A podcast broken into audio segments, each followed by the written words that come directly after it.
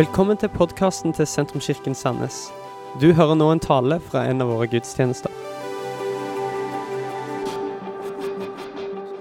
inn i denne nye serien 'Fake News en bedre historie'. Min min, min underoverskrift i dag er 'Trygg kjærlighet' innenfor ramme av forpliktelse og trofasthet. Og Før vi hopper inn i dette, så har jeg lyst til å bare rydde litt opp i begrepene. Eh, For eh, når en leser Bibelen, og en leser ordet kjærlighet, så er det, det er egentlig forskjellige greske ord som blir oversatt med kjærlighet i den norske, eh, i den norske Bibelen, og som vi òg bruker om hverandre når vi snakker om kjærlighet. Hva er kjærlighet for noen ting? Eh, Og På bibelgresk så snakker en om eh, og Dette vet ikke jeg hvordan en uttaler, men eh, storge. Som er den, den ømme familiekjærligheten. Morskjærligheten, farskjærligheten. Eh, den, som, den som har omsorg, og den som tar seg av sin familie. Så har en eh, filio, som er vennekjærligheten. Den broderlige vennekjærligheten og søskenkjærligheten. Så har en agape, som er den guddommelige, uselviske kjærligheten. Den som, som gir av sitt eget, og som gir seg sjøl. Den sjølgivende kjærligheten. Og så har en eros, som er den romantiske og erotiske kjærligheten. Og alle disse tingene her er, og I tillegg så har han et annet begrep også, som heter eh, Jeg husker ikke hva det heter for noen gang, men det er da gjestfriheten, som er, som er kjærlighet mot den fremmede og mot naboen. Så, men eh, i, i, dag så skal vi da fokusere på eh, denne eh, den romantiske og erotiske kjærlighet. For skal en snakke om en bedre historie og løfte fram hva kjærlighet er i vårt samfunn, så trenger vi òg å snakke sant om dette. Eh, Og Her eh, ønsker jeg i dag å løfte fram Bibelens veiledning. Hva sier Bibelen til oss? Eh, Hva er Bibelens blikk på dette, og hvordan kan det treffe livet vårt? Og hva har det å si for livet vårt på en sånn måte at det kan bli en bedre historie? Hva slags fortellinger om kjærlighet dominerer vår kultur? En ting som dominerer, er en, kanskje en litt sånn 'har du lyst, så har du lov'. Så lenge det er voksne mennesker som har bestemt seg, som er enige, så er det, så er det greit. Spørsmålet er er dette gode rammer for denne romantiske og erotiske kjærligheten. Eh, vår kultur legger også opp til en følelsesstyrte kjærlighet som ofte gir et råd noe à la dette. Følg ditt hjerte. Og Hva betyr det å følge hjertet sitt? Kanskje betyr det, og vil det for i, i, i, mange, eh, i mange tilfeller bety å følge det som, som følelsene sier. Følge følelsene sine, det som føles rett. Det opplevdes rett. Og Da kan en gjerne ta relasjonsvalg basert på følelser. Og en får overskrift i media som Eller kanskje ikke så mye i aviser lenger, men, ja, men i, i Se og Hør så finner du det fortsatt at kjærligheten den tok slutt. Menneskehjertet er ifølge Jesus sete ikke bare for godhet. Menneskehjertet er fullt av godhet, men menneskehjertet er, også, er ikke bare fullt av godhet. For det er òg der sier Jesus at menneskets svik, egoisme og begjær kommer fra. Å følge hjertet kan lede til steder der hodet ikke hadde tenkt at en skulle være, og der en egentlig ikke har lyst å være. Så I vårt samfunn og i veiledningen som samfunnet vårt gir på dette området og på å skape rammer rundt den romantiske kjærligheten, så er det en slags schizofreni. Den ene sier ubegrensa frihet, hvor vi kan respondere på følelsene våre. Og den andre løfter fram ekteskap og trofasthet som et fortsatt ideal som vi oppmuntres til å leve ut. Og Spørsmålet er om ikke dette blir en vanskelig spagat for et menneske å stå i. Og kan en gjøre begge deler?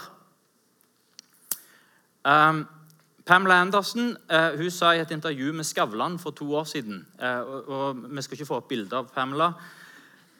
Uh, hun sa at den seksuelle revolusjonen i Vesten har brakt med seg noen bra ting, men har etterlatt seg mange ensomme mennesker. Og Så fortsetter hun med å fortelle fra hennes venner og sier at mange av mine venner eller hennes venner som nå begynner å bli gamle, sitter ensomme tilbake og skulle ønske at de holdt fast ved den partneren som de elsker. Så, eh, så, I Vesten så har vi denne utfordringen. Vi vil ha frihet, og vi vil ha selvbestemmelse. Men så vil vi òg ha intimitet. Vi vil ikke, vil ikke være ensomme. Jeg vil være sammen med noen.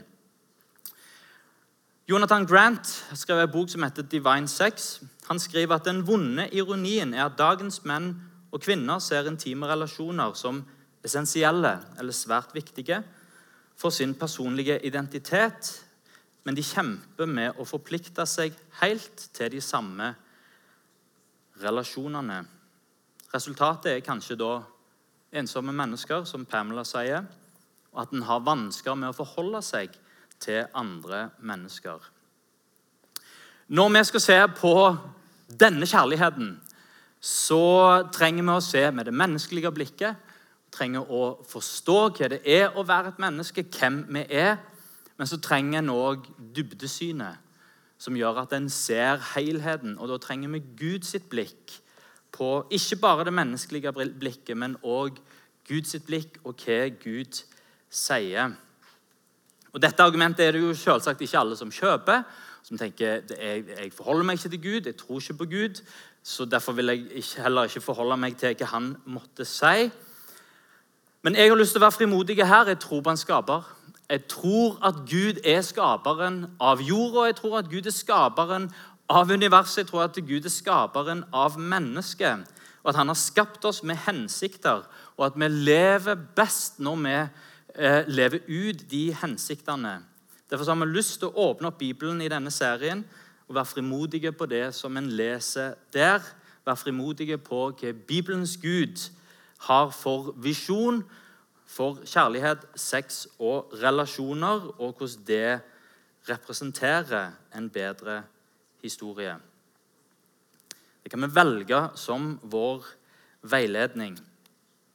Vi skal lese en tekst som jeg leser eh, de, de, første, de første, to versene av dette. Eh, leser jeg i alle bryllup, og jeg skal fortsette litt nedover òg. Og Det er fra skapelsesberetningen, fra eh, første Mosebok, kapittel 2, og vers 24 og videre nedover.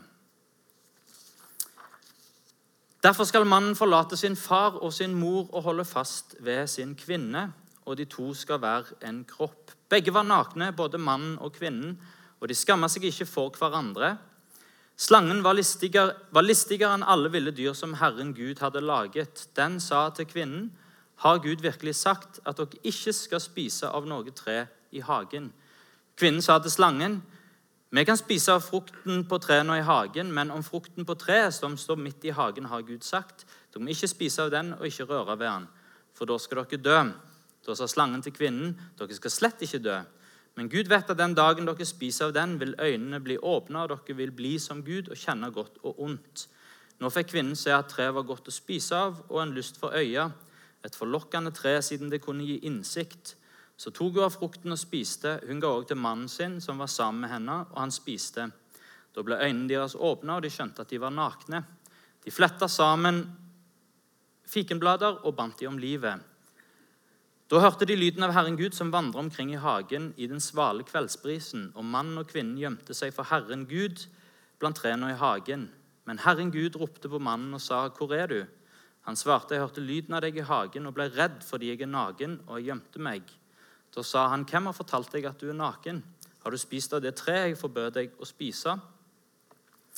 Mannen svarte, 'Kvinnen som du ga meg å være sammen med, hun ga meg av treet, og jeg spiste.' Herren Gud spurte kvinna, 'Hva er det du har gjort?' Kvinnen svarte, 'Slangen narra meg, og jeg spiste.' Uavhengig av hvordan en ser på denne teksten, om en ser på det som historie eller om en ser på det billedlig, her er det sannhet. Masse sannhet. Og den forteller en, til vår, en bedre historie knytta til våre relasjoner og til vår eh, seksualitet. En bedre historie enn den som vår vestlige kultur eh, forteller, slik Gud hadde tenkt det ifra begynnelsen. De to første versene her sier derfor skal mannen forlate sin far og sin mor og holde fast ved sin kvinne, og de to skal være en kropp. Begge var nakne, både mannen og kvinnen, og de skamma seg ikke for hverandre. Bare den første der, mannen skal forlate sin, og begge skal forlate sine foreldre, det er jo utgangspunkt for krangler over hele verden. Eh, ektefeller som sier ja, i vår familie så gjør vi det sånn som dette. Nei, i vår familie så gjør vi det sånn. Og så begynner det krangler om ferie, om pengebruk, om hvordan en skal, eh, skal til, til, til, middag, om mat osv. Fordi en ikke har gjort denne første tingen, forlatt hjemmet som en kom ifra. For å si at nå er det ikke ditt hjem og mitt hjem, men det er vårt hjem. Forlate sin mor og sin far og holde fast ved sin kvinne. Det første poenget mitt her i dag det er forpliktelse først. Kanskje har vi i vår tid blitt vant til friksjonsløse relasjoner og har litt vanskeligere for å forplikte oss. Det er en amerikansk undersøkelse av 1400, 1400 amerikanske college-studenter Eh, og denne har gått over de siste 30 eh, år, viser at siden år 2000 så har det vært en dramatisk dropp i interessen for andre mennesker. Det er mindre sjanse for at dagens college-studenter skal si at det er verdifullt å prøve å sette seg inn i andre menneskers situasjon og prøve å forstå deres følelser. Forfatterne av undersøkelsen setter denne mangelen på empati sammen med tilgjengeligheten til online-spill og sosiale nettverk. En kobling online kan føles på dypet, men du trenger bare å forholde deg til den delen av personen som du ser i spillet eller i sosiale medier. Unge mennesker ser ikke hvordan de trenger å forholde seg til mer, og over tida så mister en lysten. Vi kan si at oppslukt i alle som har blitt virtuelle venner, så mistes interessen for vennskap. Alt dette sier Sherry Turkle i boka alene sammen. Sosiale medier har gitt oss for, med formål å stimulere vennskap. Men vi trenger kanskje å spørre oss sjøl om kanskje sosiale medier istedenfor har hjulpet oss til å simulere vennskap. Lærer sosiale medier oss rytmen av intimitet? Lærer en å måtte tilpasse seg den andre? Lærer en å slipes?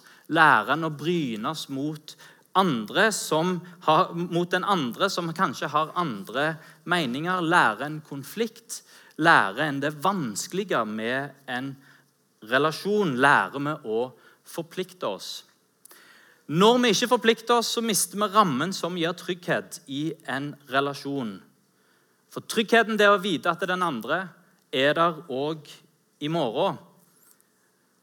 Og den tryggheten kan en ikke få på et romantisk forhold som utelukkende er basert på tiltrekning og på romantiske følelser. Hva er det en ser i vår tid? En ser et trøblete forhold til sex, relasjoner, og en ser forbigående relasjoner. Seriøse undersøkelser fra USA viser at unge mennesker debuterer seksuelt senere. Eh, de har færre sexpartnere. Og det er større sjanse for at en er avholden eller en er jomfru. Og For de som har et eh, kristent verdisyn, så høres jo dette det høres jo helt fantastisk ut. Unge mennesker har mindre sex, de debuterer har, eh, og, og, og de har færre sexpartnere òg.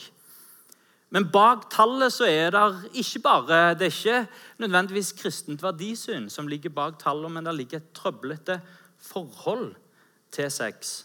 Flere sier at forhold er stress.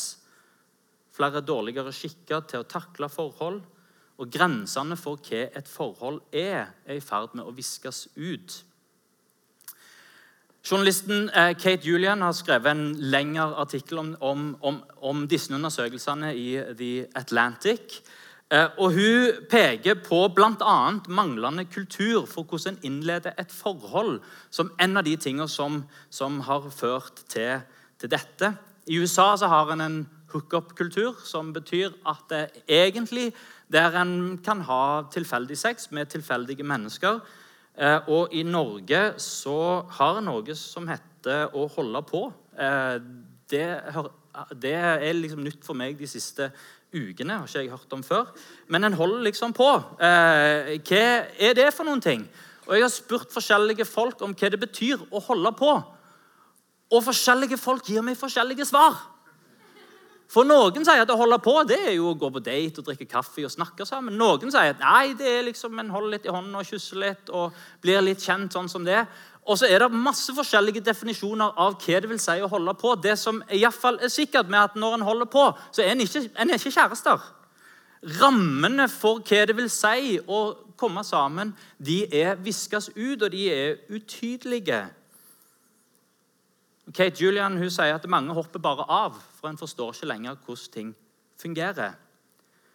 En blir usikker, blir usikker på hvor den andre Hvor har jeg den andre?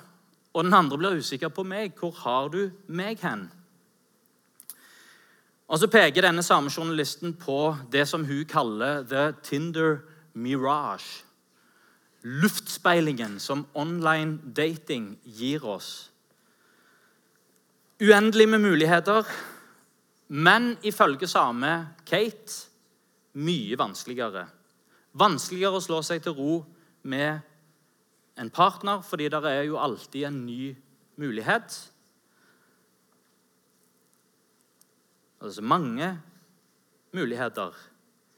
Og Online dating gjør kanskje noe av det samme for det romantiske livet som sosiale medier gjør for vennskap at en bruker i praksis mer tid foran en skjerm enn en bruker i møte med faktiske, ekte mennesker. Relasjon uten friksjon. Et stadig søk etter den neste og vanskelig å slå seg til ro med den første. En drift mot nye relasjoner når den relasjonen jeg har, er vanskelige. Og siden relasjoner er ufarlige, så er det òg enklere har han trådt inn i ekteskapet og begynner å få utfordringer, ja, men da er det jo ikke så enkelt hvis en er vant til drift mot nye relasjoner. Spørsmålet er om dette skaper en usunn kultur som bygger opp under uforplikta forhold. For vi har jo fortsatt denne romantiske ideen om at vi skal møte den andre, sjelevennen, den som er vakker, den som er smart, livsledsageren, kompanjongen, elskeren, vennen som en kan falle til ro sammen med, som, kan, som er med og gir mening, og som er med og gir innhold til livet. Kanskje bare den historien som vår tid prøver å fortelle, at den, denne eh, livsledsager, eller denne personen, er å finne bak den neste som jeg møter. Den neste som jeg faller for. Og det hjelper oss ikke til å slå oss til ro med den første.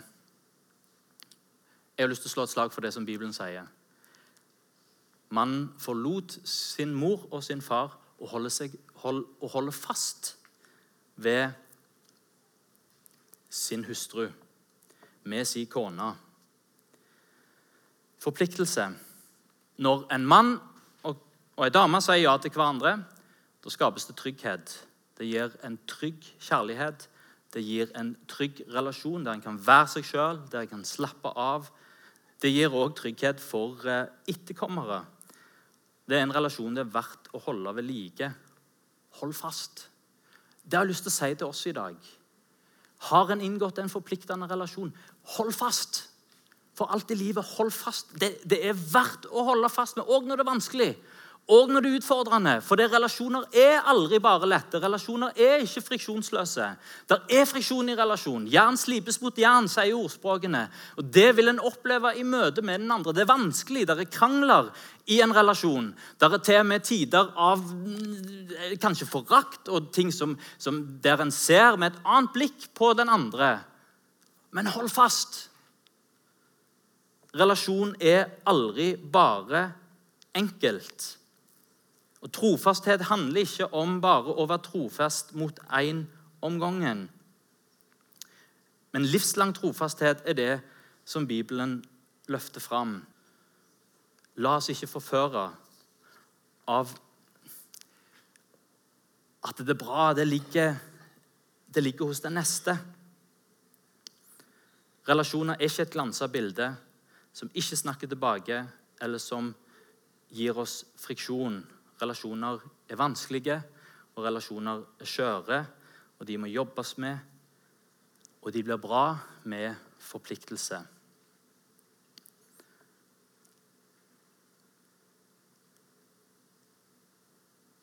Hold på din venn og din fars venn, sier ordspråkene. Hold på din nære familie, sier Jakob, der han forteller om tro i praksis. Jesus som henger på korset, sier til sitt søskenbarn Johannes, ta vare på min mor. Det å ta vare på de nære relasjonene og holde fast ved dem, det er verdifullt. Og det forteller en bedre historie. Det fortsetter med å si at de to skal være en kropp. Og Her løfter Bibelen fram sex innenfor rammen av forpliktelse. Der vår tid promoterer sex uten forpliktelse, så er faktisk ikke, eh, så er faktisk ikke resultatet av det hemnings, hemningsløshet. Kanskje er det fordi vi oppdager at vi er sårbare. At det er sårbart og intimt, at vi trenger denne tryggheten som forpliktelse gir. Og at det å etablere trygghet først, at det er godt for oss. En har ikke sex for å bli kjent. En snakker sammen og er sammen for å bli kjent. En forplikter seg først, og så kommer det etterpå. Journalisten Kate Julian sier vi har sex fordi det er gøy, det gjør oss glad, og det skaper bånd mellom oss. Det handler om hvem vi ønsker å skape bånd til. Forplikt deg til den du elsker, og elsk den du er forplikta til å ha sex innenfor de rammene. Den forpliktelsen som vi leser om her, den er utgangspunktet for ekteskapet mellom mann og dame. De to skal være ett. Mannen skal holde fast ved sin kone, forlate sine foreldre. Og Ekteskapet er den dypeste form for en forpliktende relasjon. Det er et følelsesmessig bånd som sier det er ikke min familie og din familie, men vår familie. Den kobler to hjem sammen. Det er ikke mitt hjem og ditt hjem, men vårt hjem. Eh, det er et økonomisk bånd. Det er ikke mitt og ditt, men det er vårt sammen. Og det er en juridisk avtale der en forplikter seg ikke bare overfor hverandre, men òg eh, overfor samfunnet som en er en del av. Og så er det en seksuell relasjon der to blir ett. Og Det er uselvisk, det er for deg. Det er bare deg og det er alltid deg.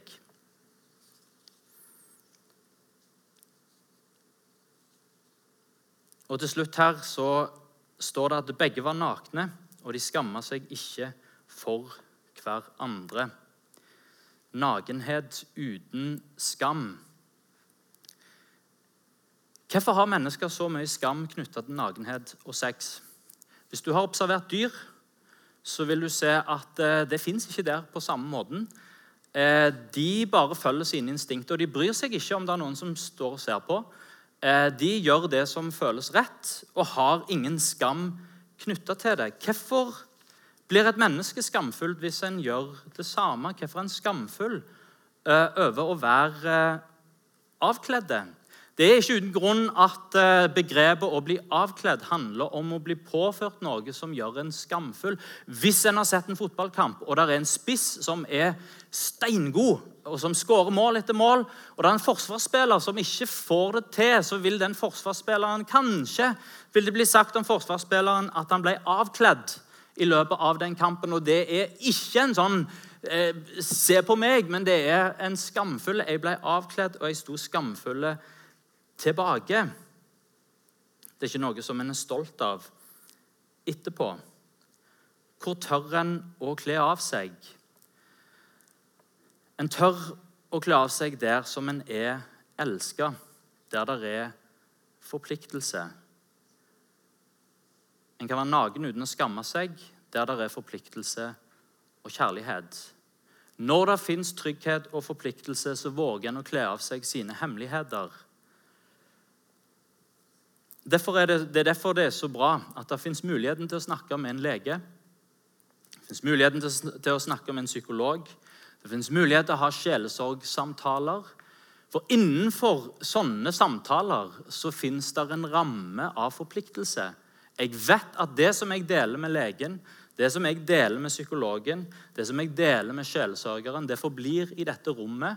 Der fins en forpliktelse hos den andre. Derfor våger jeg å kle av sjelen min. Og så våger jeg å fortelle om det som er vanskelig, det som er skamfullt, det som, det som, som, som jeg kanskje ikke våger å fortelle til så mange andre. Og vi finner det samme i en relasjon der en er elska. Hvis du skal fortelle noe om deg sjøl som du skammer deg over, hvilket ansikt er det du ser for deg som du kan fortelle det til? Er ikke det ansiktet til en som du vet elsker deg. Når en har forplikta seg overfor hverandre, så kan en kle av seg sin sjel, eller vrenge sjelen sin, uten å være skamfull, uten å være redd for å bli forlatt. En trenger ikke måtte bære på hemmeligheter. En kan være sann uten å bli avvist. De var nakne, men de skamma seg ikke trygge rammer. Et paradoks med vår tid er at aldri har nakenhet vært mer tilgjengelig. Fra min oppvekst så var det noe som en måtte oppsøke. Eller det fantes eh, på noen gutterom i form av Samantha Fox-plakater. Eh, men utenom det så Det var kanskje å finne på, eh, på en arbeidsplass der det var mange jobbmenner som heiv ifra seg et blad. Men utenom det Nakenhet var ikke en del av hverdagen. Filmene var forholdsvis påkledde, og en måtte aktivt oppsøke eh, nakenhet. Nå når det er blitt så tilgjengelig gjennom nettet, gjennom eh, laptopene, gjennom mobiltelefoner, og pornografi har blitt mainstream, så skulle en tenke at det har tatt vekk skammen men det er jo akkurat det motsatte som en ser. Sjelden har kroppshysteriet vært så stort og intensivt som det er i dag. Ikke bare blant unge mennesker, men i alle aldre. Ikke bare blant damer, men blant menn. Eh, både trening, kosthold og slankehysteri. Hvorfor? Fordi en har komplekser over sin egen kropp. Fordi en hele tida må sammenligne seg med alt det perfekte. Og så skjer noe rart. Det som skulle være naturlig, og som er så tilgjengelig, har ført til en ny bluferdighet og kyskhet. Der en er redd for å kle av seg, der en skjuler seg.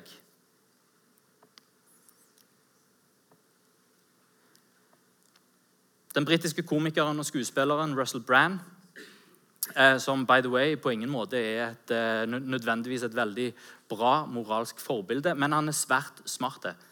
Eh, og der er mange intervjuer med Russell Brand der han snakker interessant om mange temaer. Og om dette. Hva gjør all den tilgjengelige nakenheten med oss? Han sier Russell Brand, det appellerer til kikkeren i oss. Det objektiviserer andre mennesker. En ser dem som objekter, ikke som mennesker. Og han sier vi overfører det så lett etterpå til livet. Og han snakker om seg sjøl og snakker om å bruke vakre kvinner til å validisere sin egen mandighet. Og det påvirker evnen til å forholde seg til det motsatte kjønn. Russell Brand sier if you're constantly bombarded by great waves of filth, it's really difficult to remain connected to the truth. Ekte, enklere å forholde seg til bilder på skjerm enn det å forholde seg til ekte mennesker. Og ødeleggende for hvordan vi relaterer til hverandre.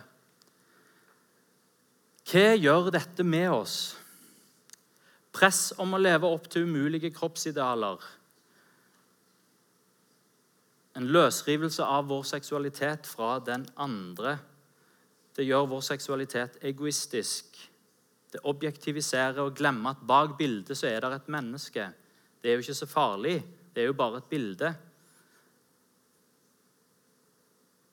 Jesus kjenner menneskehjertet og ber oss om å bevare hjertet vårt rent. At vi ikke løsriver hva vi gjør, fra hvem vi er. Det gir oss urealistiske forventninger og et forvridd bilde av virkeligheten. Og forlegenhet, jag etter perfeksjon, jag etter den perfekte kroppen, den perfekte partneren. Et kroppspress som ikke er sunt. Hva er en bedre historie? Nakenhet uten skam. Den eldgamle historien om at de var nakne, og de skamma seg ikke. Nakenhet kobla til forpliktelse og til trygge rammer. Jeg kan kle av sjelen min. Jeg kan vise hvem jeg er, og jeg er trygg på at du skyver meg ikke unna. Jeg kan, jeg kan kle av klærne mine, og jeg er trygg på at du skyver meg ikke unna.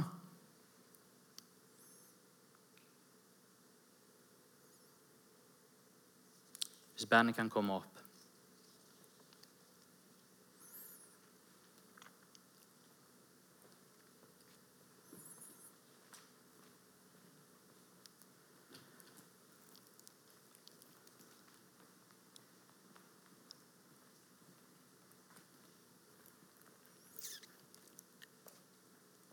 Bibelen forteller oss en bedre historie. Bibelen oppmuntrer oss til å forplikte oss. Våge å forplikte seg. Og etterpå til å holde fast ved forpliktelsen. Bibelen oppmuntrer oss, og Gud oppmuntrer oss til å lage ramme rundt denne viktigste relasjonen. En ramme av trygghet der en vet hvor en har hverandre. Og Bibelen den oppmuntrer oss til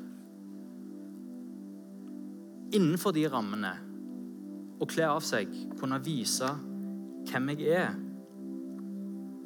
At en kan gjøre det uten skam.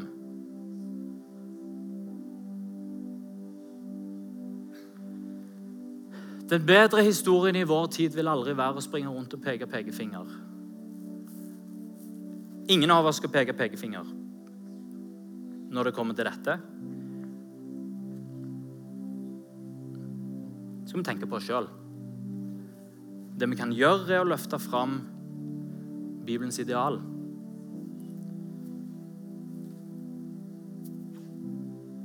Kanskje hente fram noe av det som har blitt mista.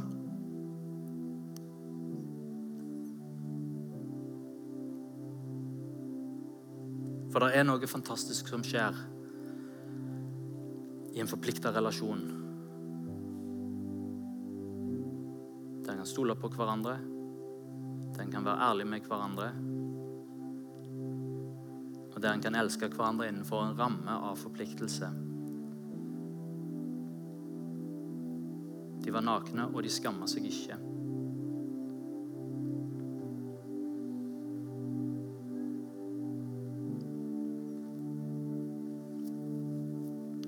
Gud er ikke opptatt av å kle oss nakne avkle oss. At vi står skamfulle. Gud er heller ikke med pekefingeren. Det har du ikke fått til, det har du ikke fått til. Det skulle du gjort bedre. Skulle ikke gjort det. Skulle heller gjort det. Gud er opptatt av å kle på deg. Resten av denne teksten her forteller om hvordan Adam og Eva var ulydige mot Gud. Det har satt noen rammer for, eh, for, eh, for dem. Her er, her er treet med innsikt om godt og vondt. Det er livets tre. Ikke, ikke spis av disse. Og Så trossa de det, og så gjorde de det likevel. Og så flykta de vekk fra Gud. De var nakne, og de skamma seg. Hva er den bedre historien som Gud forteller, og som Gud gir oss? I ei tid der en kan kjenne på skam knytta til dette, der ting ikke har blitt nødvendigvis enklere, men der ting kanskje bare er enda mer komplisert enn det det har vært, så står det at Herren Gud lagde klær av skinn til mannen og kvinna, og han kledde dem. Vår seksualitet og den erotiske kjærligheten, den er sårbar. Det er sårbart å snakke om den, nettopp fordi mange skammer seg.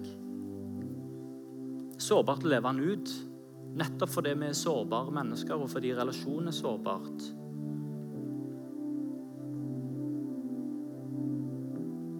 Det er sårbart fordi det er skjørt, og det kan så fort gå sunt.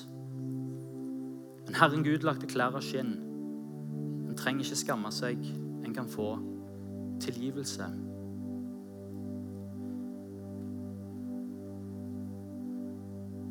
La ikke den bedre historien være en moralistisk historie.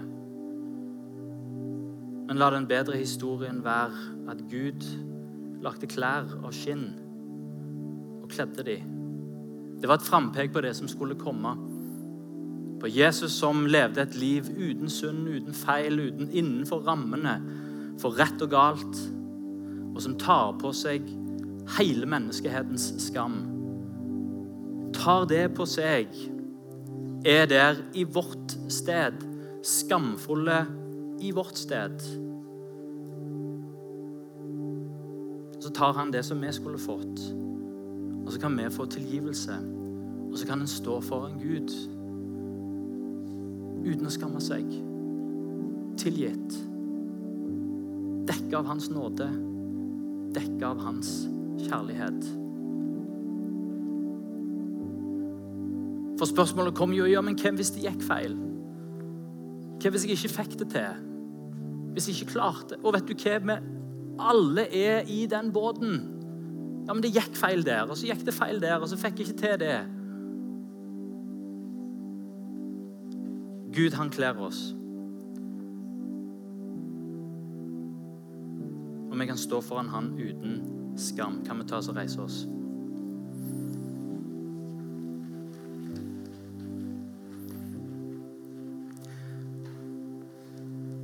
Herre Jesus, jeg ber om at du hjelper oss til å leve en bedre historie.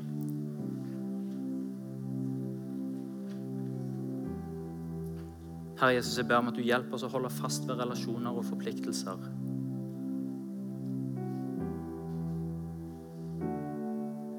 Takker deg for det at du kler oss.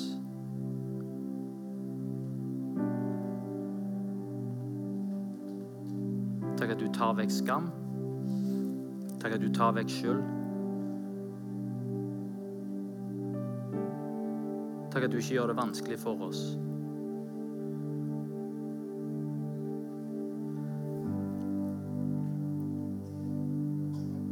Takk at du ikke kler av oss, men du kler på oss. Takk at du har gjort opp for alt, Herre.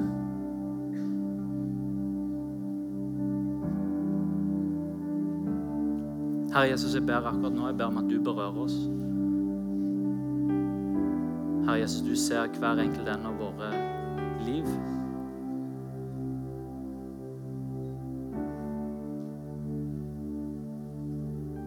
Takk deg du helbreder oss, Herre. Takk at du helbreder relasjonelle sår som er vonde, Herre.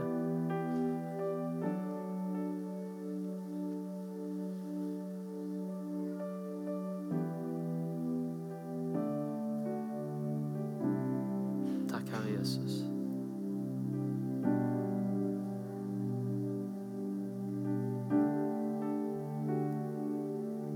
Herre, jeg ber om at du gir oss nåde overfor hverandre.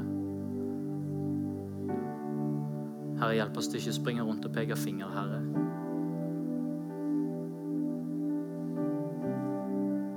Herre, hjelp oss, Herre, til å møte alle mennesker kjærlighet, Herre. Med omsorg og med omfavnelse.